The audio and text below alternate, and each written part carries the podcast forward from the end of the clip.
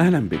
أنت الآن تستمع لبودكاست ابدأ صح طريقك من الوظيفة للثراء تقديم ياسين الحيوي لايف كوتش معتمد ومختص في مجال المال الاستثمار وريادة الأعمال.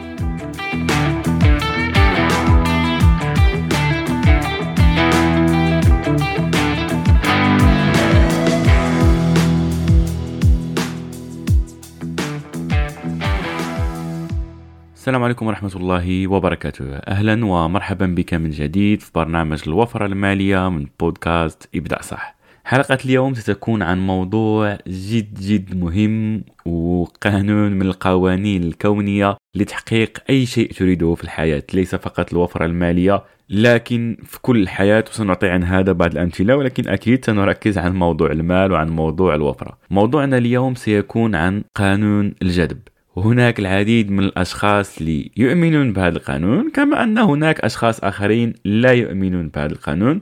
فخلينا نبدأ بالفئة الثانية لكي نكون متفقين على هذا الموضوع. قانون الجذب سواء آمنت به أو لم تؤمن به هو قانون موجود وهو يقع لك يوميا. فصراحة لا يهم إن كنت لا تؤمن به لأنه واقع ولأنه يعني هذا ليس موضوع الحلقة فلن ندخل يعني في إثبات على أنه موجود ولا لا ولكن سنركز أكثر على أهميته وعلى كيف تطبقه في حياتك. من مدة الأشخاص اللي متابعيني على وسائل التواصل كنت يعني في رحلة لدبي وكنت كتبت منشور على أن المكان اللي كنت متواجد فيه بالصور اللي كنت فيها بالأماكن اللي كنت فيها هو حلم كان عندي من سني تقريبا 13 ولا 14 سنة فيعني آه، عمر وأنا أحلم يعني بالذهاب لذاك المكان. لكن مؤخرا بدأت أشتغل على هذا الحلم ويعني من أوائل الأشياء اللي يجب أن تقوم بها قانون الجذب ولا في تطبيق قانون الجذب. هو على أنك تكون كاتب هذا الهدف وتكون واضعه أمامك. فهذا هو الشيء اللي كنت واضعه يعني.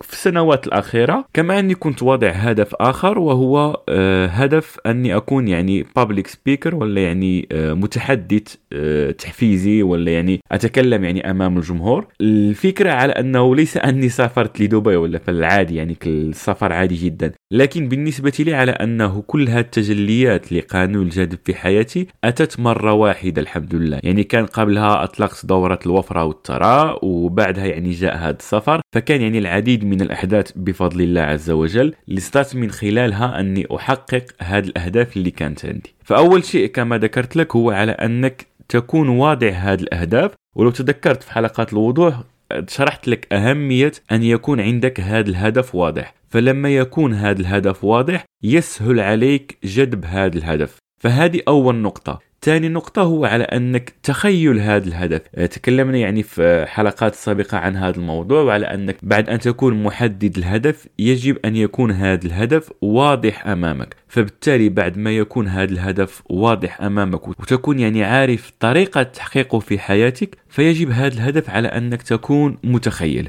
وسأعود لهذه النقطة بعد قليل. بعدها يجب أن تكون السلوكيات التي تقوم بها موافقة لهذا الهدف. فبالتالي خليني أعطيك مثال في الهدف الذي قلت لك عن نفسي. لما كنت واضع على أني أريد الذهاب مثلا لدبي وعندي هذا آه، هدف أريد أن أجذبه في حياتي فلا يعقل على أنه تكون ظروف مواتية بالنسبة لك ويكون عندك ماليا نفسيا صحيا ممكن هذا الهدف وتبقى تؤجل فيه تؤجل فيه لأنك ستدخل في التدمير الذاتي. فيجب أن يكون السلوك مطابق لهذا الهدف. كذلك بالنسبة على أني آه، يكون عندي دورتي الخاصة وأكون يعني متحدث أمام الجمهور إلى غيرها فهذه الأشياء تحتاج للعديد من الأمور. هذه الأمور مثل ماذا؟ مثل على أنك أول شيء أكيد هو أنك تتعلم كيف تتحدث أمام الجمهور ولا كيف تتكلم أمام الكاميرا. ف خلينا نعطيك مثال أكثر بساطة لكي تفهم هذا الموضوع. آه، في أحد المرات يعني كان أحد الأشخاص آه، يبحث عن وظيفة وكان هذا الشخص جالس مكانه